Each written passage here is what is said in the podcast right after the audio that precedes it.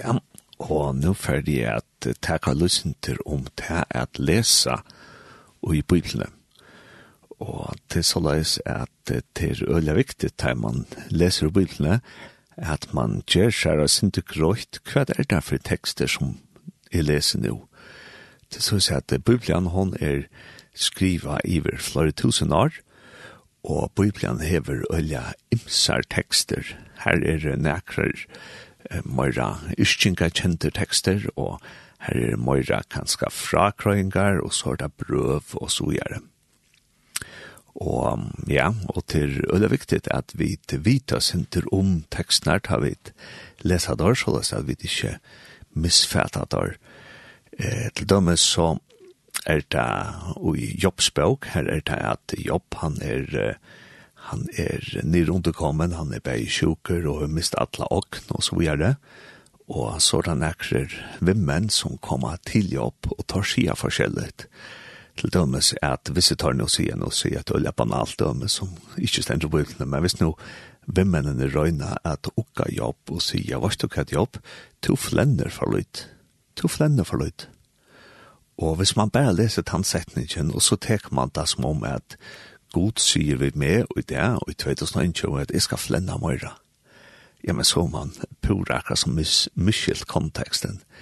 Så jeg på ikke vi his ned at jobb sitter her, og at vimmenen er noen tar røyne oppgang til det, at vimmenen tar gjerne faktisk skøyft så vimmennene sier nekka vi jobb av seg sjølvun, og vimmennene tar lusta ikke etter gode, så det som god vil at han skulle være tja jobb.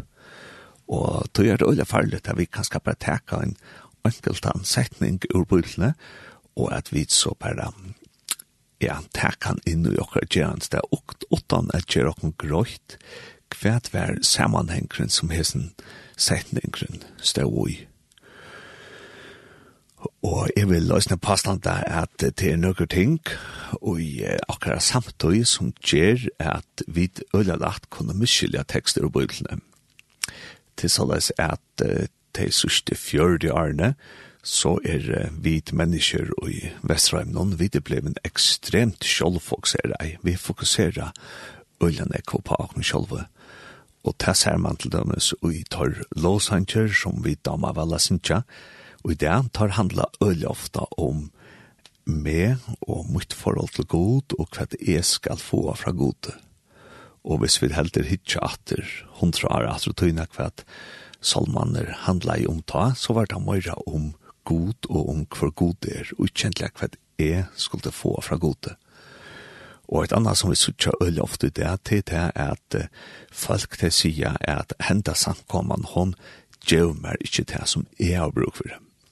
Jeg har bruk for omkring bestemt hon, og det gjør henda ned samkomman som jeg, gong, som jeg kan gjør, hon gjør meg ikke det som jeg har bruk for det, og tog halte jeg at jeg er ferdig at skifta samkomme eller at jeg er ferdig at gjøvast. Tog jeg at jeg har ikke mye tørver nøktøyer og te jo en pura omventer eh, hoksnar hotter, og i Bibelen er det møyre at ta vi er i en samkomme, ja, men så er vi vi til at djeva til samkomne, og ikke bare at vi skulle få fra samkomne. Og i halte øyne at det er vi at vi der i øyla sjålfokuser deg, at det er sast øyne at det er ujokkara bibelesing. At Lukas så kjøtt som vi leser i Bibelen, så hoksa vi på en av veien, hva fa er på sjurus nær, og hva sier god mer i hesen som jeg leser på et nå. Hva så tala god til min, hva er en setning i hesen som er just av å lise, her som god har sagt akkurat spånløs, vi med, og bare vi med. Og, og til her som jeg alltid er at jeg vet færre kanskje sinde gale ofta nå, om det er, tog at vi gjør oss ikke grøyt at at ja, jo, jeg tykker jeg god kan tala vi okkom absolutt, og god er ofta tala vi med i jungbutlene, men er vi må vira at Bibelen er en særlig tekster, og at vi må få oss en vita rundt om tar tekstene vi leser i Bibelen. Og faktisk gjørs det nekkmåra spennende at lese Bibelen tar man vøyta til om tar tekstene som man leser. Ja, og i det ferdig at det takka et brev i eh, nødja testamentet som døme.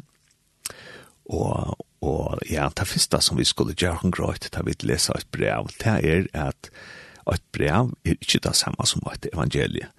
Så det er fire evangelier som vi tar i Bibelen, Matteus, Marskas, Lukas og Johannes, de vil jeg gjerne fortelle frasaknene om Jesus og boa at tann Jesus som tjekker i Israel, han er frelsar i heimsens. Og ter akkurat som søveligere frakrøyngar rundt han om livet til Jesus. Og et brev her at møte, det er sendt fra en person ofta til en annan person eller til en samkomme. Og ta vidt så la oss lesa et brev, så må vi vita hva er det som er sendt dette brevet. Til kvønn hever han senta til. Og så må vi vita i løysenter om støvene som etter brevet er skriva ut fra, og ta støvene som brevet er skriva inn til. Så et brev er faktisk møyre innvikla halvdige, at lesa i Bibelen enn et evangelie er. Og et evangelie tar stenten ek møyra og seg sjolvån. Men et brev til alltid, hva skal man sige, Altså, det er nekka som er er en relasjon fra en avsendere til omkran annan. Og hvis jeg bare tog tilfeldigvis en teltepost som jeg har skrivet til en vimman og leser han opp for tikkene, så hadde det ikke skilt alt som stod ut, og at jeg og hesten vimmaren som jeg har sett denne telteposten til, vid vita nøkker ting hver ganger fyrir seg og i munnen kjærens og i hansara gerandsløyve, og tog behøves de ikkje sige alt i braunen. Det er sier at de omtaler nøkker ting utan at forklara det fullt ut. Tog at jeg vet jo at det er si hettar, ja, men så skiler hvem er kjammer da så løys. Og det må vi øyne gjøre at vi leser et brev i Bibelen, så vi må gjøre oss grøyt hvor er det som er sendt dette brevet, til kvann hever han sendt det til, og hva er det omstøvner rundt han om, heter brev. Og ja, og så kan man kanskje spørre, hva skal god gjøre det så innvikla, hva skal god køre noen brøv og inngjøre det som ente? Så la jeg si at vi skulle røyne sitt og finne ut av aksjon at avkåta det er. Hva kan god ikke bare køyre aksjon og hus man bare bøgnløs, sier vi åkken. Mm Men jeg trykker at god, den god som vi trykker på, han er en god som øysene er og i tøy og sted av tøy hjørne som han har skapet til dere. Til å si at den kristne bådskaperen, han er ikke leiser fra tøyene og fra støvene av hjørne. Den kristne bådskaperen, vi Jesus i sentrum, han er øyla bunden til at Jesus kom til gjerrar, om løy er null, og at Jesus vær i en bestemt hos det, og vi har med noen. Og at han er at Jesus er ferdig til mals, ja, men så begynner kyrkjene at teka seg opp, og ter øysene og i nøkron bestemt om fysisk støvån, og ter øysene til bestemte tøyer. Og til å si at god, den, god som vi trykker på, ja, men han er øysene ui okkara tui og sted, tispera er sart, og en sånn ante, eller sarskut, jangstene, men god, hever ahoa akkurat ui muinoløyv, her som er site, Johannes Miskar, 15. november 2021, og i lindene, er god er øysene her, akkurat her, vi mer av hesen sted, og ut i tuiene som er jo i akkurat nå. Og så la er god bunden er at okkara fysiska heime, og Og tog er jo eisne tekster ui bøyblene som er bundner til bestemte tøyer, til bestemt stø av hjørne. Ja, og vi tverre nå at jeg takker lysinter om etter første til Mozart-brav, og som jeg sier, så skulle vi først spørre hver er det som er sendt dette brav. Og han som er sendt første til Mozart-brav, det er Paulus. Så det sier han i versjonen, som brevet byrjar vi, er at til er Paulus som sendte det til brevet.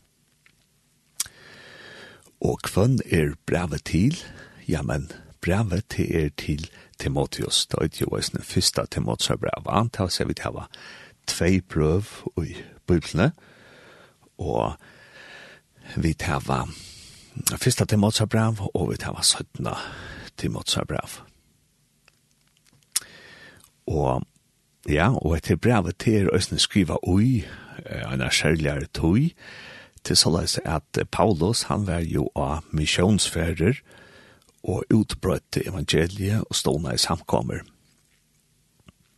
Og Paulus, han heier et tøyme av falskjøvisser, og uisner tøymen om her var Timotheus. Og Paulus og Timotheus tøyr er det så i Efesus, og jeg er samkommet som er stående her på og eh, tar er her på en så oppdager at det er avskil i samkomne. Så denne samkommen, hun er ikke som hun øyre av er. Og tog tar Paulus for å gjøre, så sier Paulus vid Timotheus, at varska Timotheus, jeg vil hava at to erst ekter her og i samkomne i Efesus. Tog at her er avskil og Og jeg vil gjerne hava at du skal hava til oppgavene, at du, du skal hjelpe samkomne å få skil og jater. Og det vil si at nå er Paulus altså allerhelst i Rom, og Timotheus han er i Efesos, og skal få skil og ser samkomne. Og i to støvende som Timotheus stender i, her stender så Paulus heter brev, Så Paulus sender et brev i instruksjonen, kan vi sija, til Timotheus, hvordan han skal få skilater ui samkomne her ui Efesus. Og ut fra brevnen, så kan man lesa om hva det er det for avskil som er her i Efesus. For det første, så er det så løs at ui samkomne i Efesus, her hever vrenklæra tidsi seg opp her er vrengklæra, og i vrengklærene vil med til Anna Boa er at det er bestemte mæter, det er bestemte mæter som, som man ikkje må eta, så god hever ja, banna omkra mæt. Og så vil det Øysne Boa og i samkomne i Efesos at, at de skal ofte gifta seg, at at uh, bådskapen kan skal være at Jesus kommer kjøtt atter, og tog er det skøyft at det gifta seg og binda seg. Man skal heller arbeide for Guds rydde. Men bæg hese tingene til at gifta seg og til at etta mat, her vidar vi jo at god hever skapa maten, og god hever innsett tjona lei, så det er ikke skøyft at gifta seg. Så heter det altså en vrenglæra som er i samkomne og i Efsos. Og så er det øysene nekre menn i Efesos som nøyta møtene som de hava, først og fremst som et høve at klantrast. Så enda malet tja nøkron månden og i Efesos vi har kommet til møter til det at har vi det gjerne klantrast vi kom annan. Og til ikke bare mennene som hava trobløkar, til øysene nekre kvinner i Efesos som hava omkra trobløkar, til ter koma til møte, og Og til så løs at kvinnerne i Efesos her vilja nøyta møtene først og fremst til at vysa flott klæger framfyr kvarnøren, og ter vilja vysa flotta smykker framfyr kvarnøren. Som motivasjonen for å komme møte, det er altså ikke at møte Jesus og at lort etter Jesus, men det er helter at kvinnerne skulle vysa sine flotte klæger og smått, flotte smykker fram, og og tjamannen var det så at tar møtte inn til møter for jeg klantras vi kan navnet. Og så er det øyne til i kyrkjene i Efesos at hentene kyrkjen hun hever øyne sosiale tjeneste Det er så løs at hentene kyrkjen i Efesos hun er oppbygd øyne tjeneste til ønsker her som man gav ønsken hjelp bæg i mat og klæger og øyne penger og Men her er det blivet så løs, at det er nekra ønsker som ikke har bruk av det, som takker med til seg hjelpene og takker seg hjelpene, og så er det nekra ærer ønsker som faktisk har bruk for hjelp. Der får jeg ikke ta hjelp som de eh, har bruk for. Og ja, og så for å se det bant ut, så er det Øysten nekker eldre menn i samkomne Efesos som er ferner av ballast øljetla, så tar rekka øljetla alkohol. Og her er øysten nekker vreng lærarar i samkomne Efesos som røyna at bliva løyarar samkomne og tar røyna at bliva samkomne tænarar. Og så er det øysten nekker trealer, som byrja at arbeida politisk, som er byrja er at arbeida politisk, fyrir at tar sko bliva utkjøpter som trealer, og tar fokuserer øyla nekv og på at trealer skulle bliva fruer, men Paulus sier vitt deg at samkomman hon er til fyrir at fokusere på Jesus og vera vittne for Jesus. Og så er det også noen røyk folk i samkomne i Efsos, som er byrja jeg at doa oppa tarara okner, i stedet for at doa oppa trunna av Jesus. Ja, som til høyra så var nekve og skil og i samkomne i Efesos. Og Timotheus, han skal altså få skil av hans samkomna, og tog er det at Paulus sentronen heter brevet. Og i stauron kan man sija at og i byrjanen av fyrsta Timotsa-brave, og enden av fyrsta Timotsa-brave, til her som Paulus henvendte seg bøgnløs til Timotheus, og ukkar han og røyner at styrkja han, tog at nu skal han standa for seg oppgavene at skapa lov og rat atter i samkomne i Efesos. Så Paulus røyner at etja han og at ukkar han at Timotheus tog erskavur nok, og, og selv om tog unger, du skal nok klare etter. Så heter det altså i fyrsten av braunen og i endan av braunen og i myene av braunen, fyrst at det måtte brau. Her er det så tver store seksjoner, og det er god som man konkret skal grupa avvisa støver an og i Efesus. Så her Alltså är det något ölla specifikt om att ta i männen vilja klantrast. hva ska man så gjøre? Ta i kvinnorna bara vilja visa sig för kvar ärare, hur så og pen er der er jo sin nutjon, tjollon og smyckon.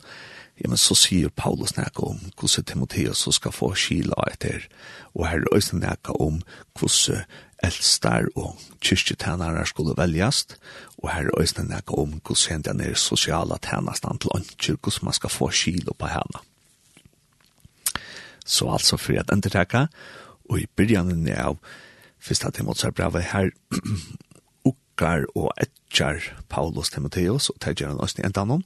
Og så i mine så er det tverstora seksjoner her som Paulus avtalar og gjør råd til konkret ting som skulle få oss til å i samkomne eller kyrkene i Efesos. Og så er det også at og i uh, første Timotsar brevet her er det trutjar, yrkjengar Så mitt inne i hesten er teksten om fyrsta til brev, her er knapplega trutjar ischingar. Og tog verri er det såleis at ui okkara føresko bibelon, her ser man ikkje nært av bluiver og en isching. Men hvis man fer ui det som øyder tann nutje sattmalen, så hever man sett ter trutjar yrkingarna upp som ischingar så, så, så sars du altså ta at dette er altså en yrkingatekster og ikke bare en brevtekster. Ja, og, og jeg halte at dette er veldig viktig bakgrunnsvitan, ta i man så skal lese Efesosar brev, Nå, omskilt at man skal lese eh, til Mozart brev. Og jeg får nå at lese jeg her er eh, trutjar yskingene og vi vet at ta i vidt eh, lesende yskinger, at ta er ta eh, nækka øljaka som eh, viktigt man røyner å sija, og det er så viktigt at man hoksar syndrom, hvordan kan det sija at på en ølja snøkkan og gaua mata. Og den første yskingen som stender i første til Mozart Brau, som Paulus hever tidsi vi, er Hon Joa Solais, Evenar konkur, au forgåndselige og au skjønnelige. Tær øynasta gode, vere dord og alder og atlar ever. Amen. Og ta nasta iskjentjen, hon Joa Solais, han vær åpenberaver og hjalte, gautikken av antanon satter av enklon, bo av vår ötla människan. Tro hava folk i heimanon av han, tidsen opp til himmels.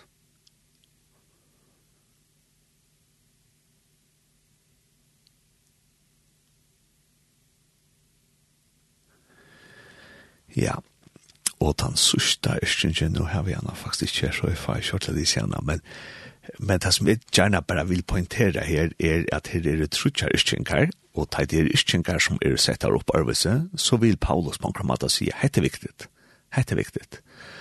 Og jeg sier her iskjengarna, her handler altså om hvor god er, og om hvor Jesus er. Og det er det som Paulus vil heva, skal standa etter, ta Timotheus, og bæje skal få kraft til å gjøre seg større oppgavene ved å få skil og samkomne i Efesos, men øyne til falt jo i samkomne i Efesos at Paulus vil at de skulle fokusere på hvor god det er og hvor Jesus er. Ja, og så er det øyne for tekster og i eh, første Timotsa brev som altså handler om eh, om som man skal få skil og konkret ting i samkomne i Efsos.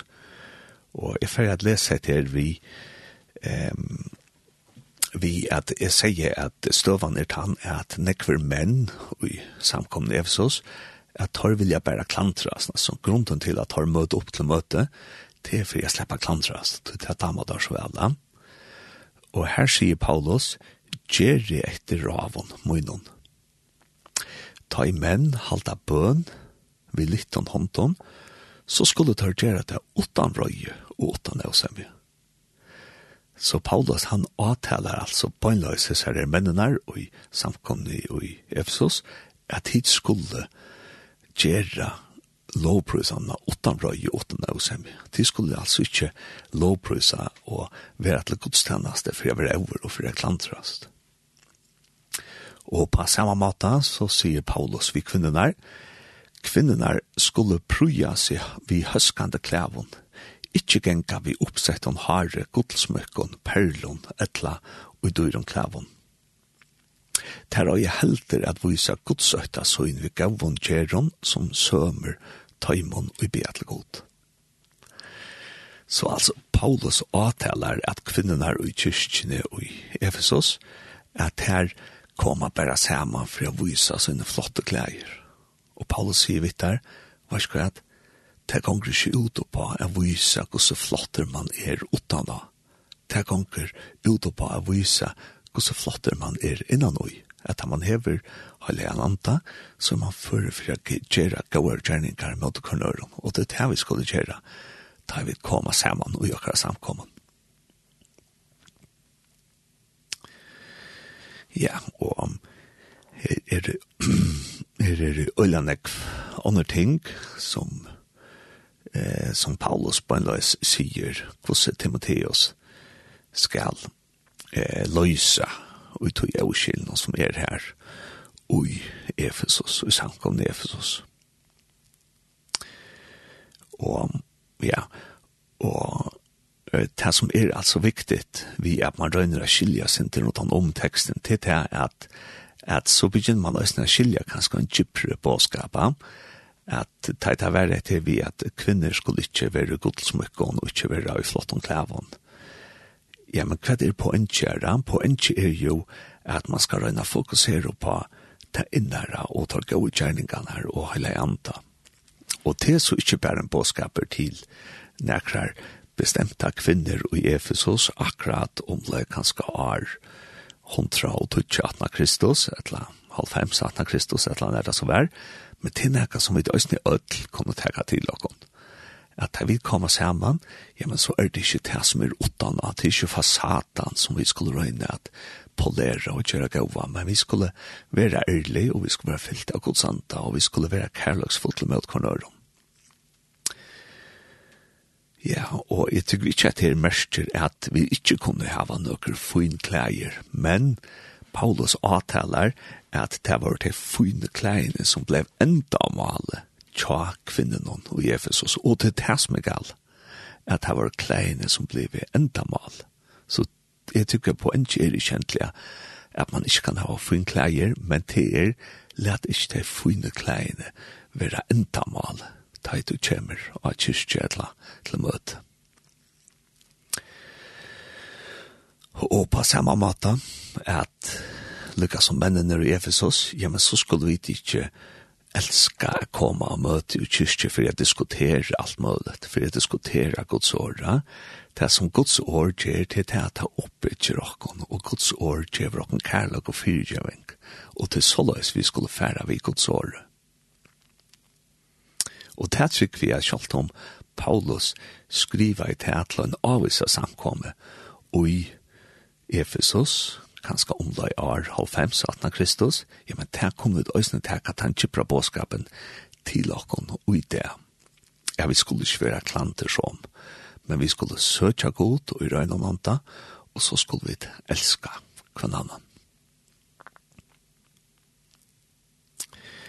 ja, jeg kom til tidsen, jeg vann da, på en løs ur første Tomasabrevet, men eh, på en tidskjemmer morgen var å lysen til at at jeg vil lese en tekst som er brev i Biblia, at så skulle vi hukse løsen til om, oi, jeg heter brev til å si at til anker som er senta og til til ankeren, og hva er det omstående for i snedbrevene.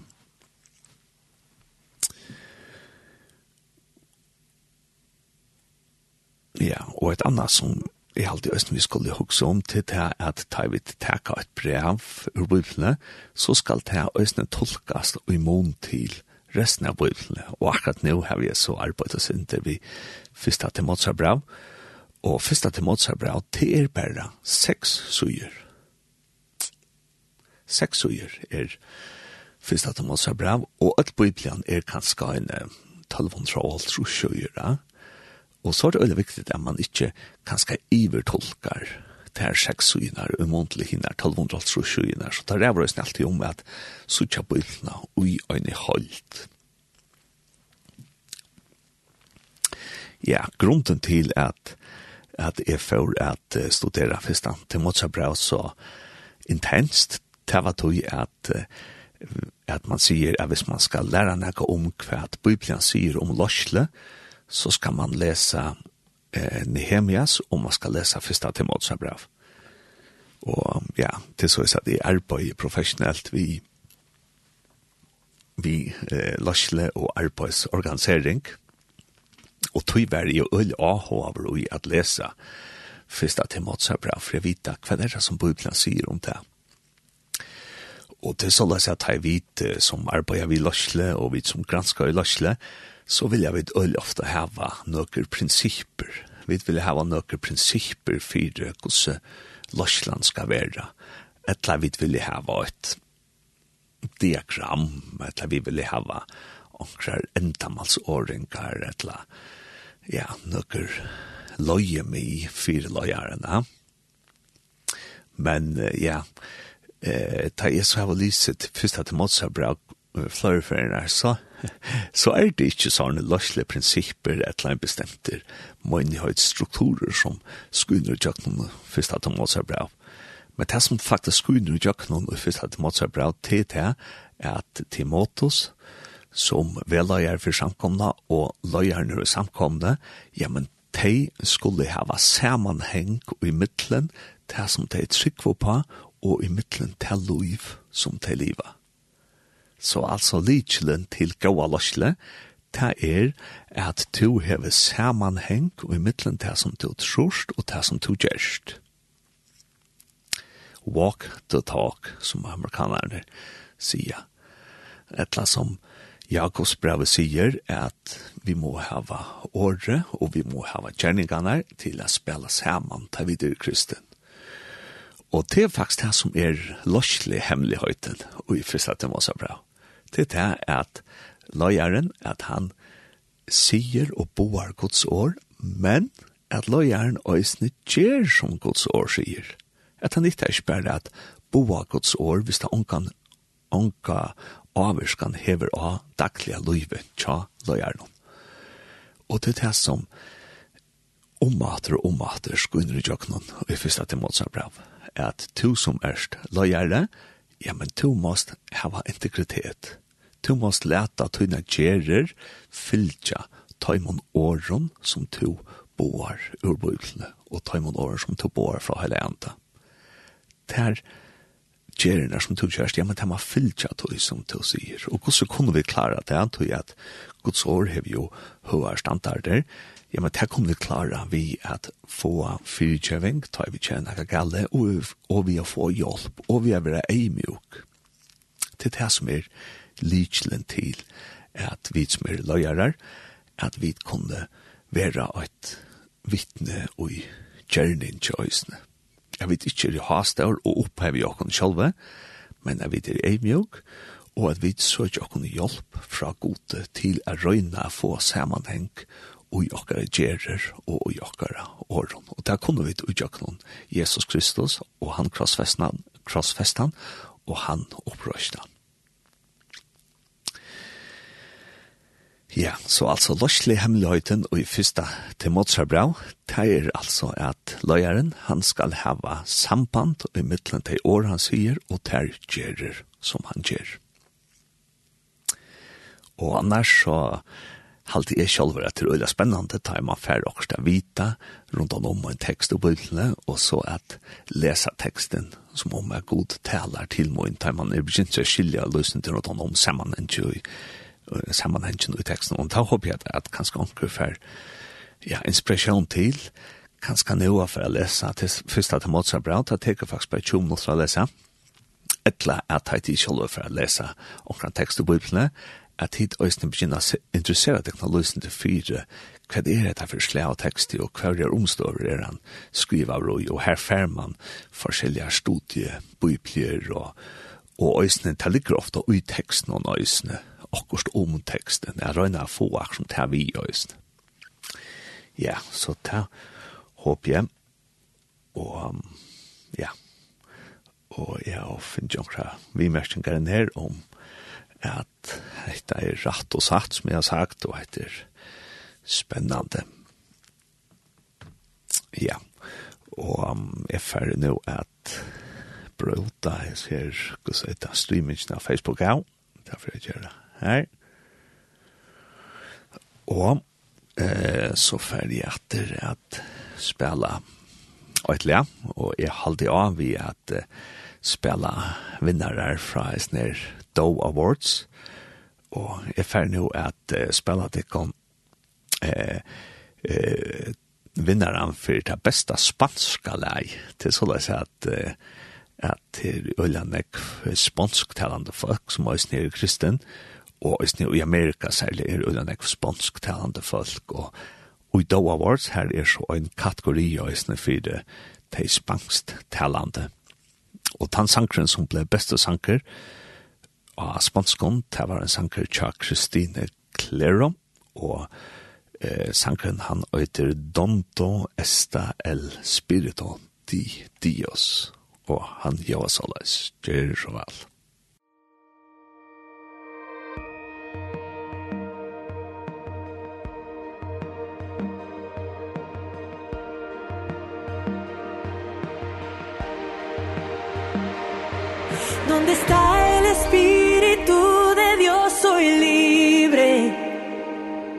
Donde está el Espíritu de Dios hay paz.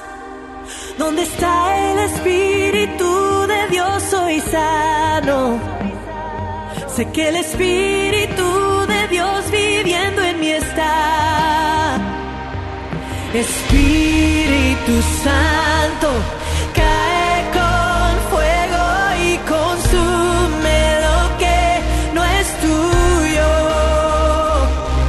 Espíritu Santo,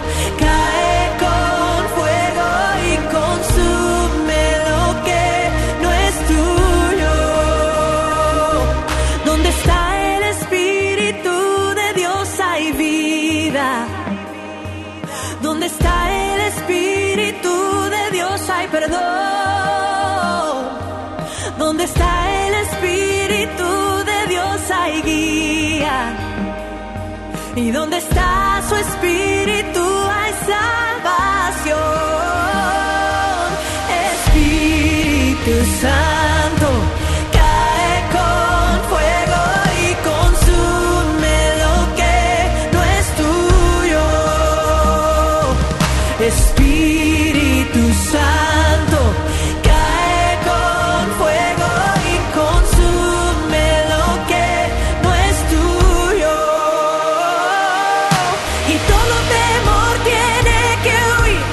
culpa no puede ya existir por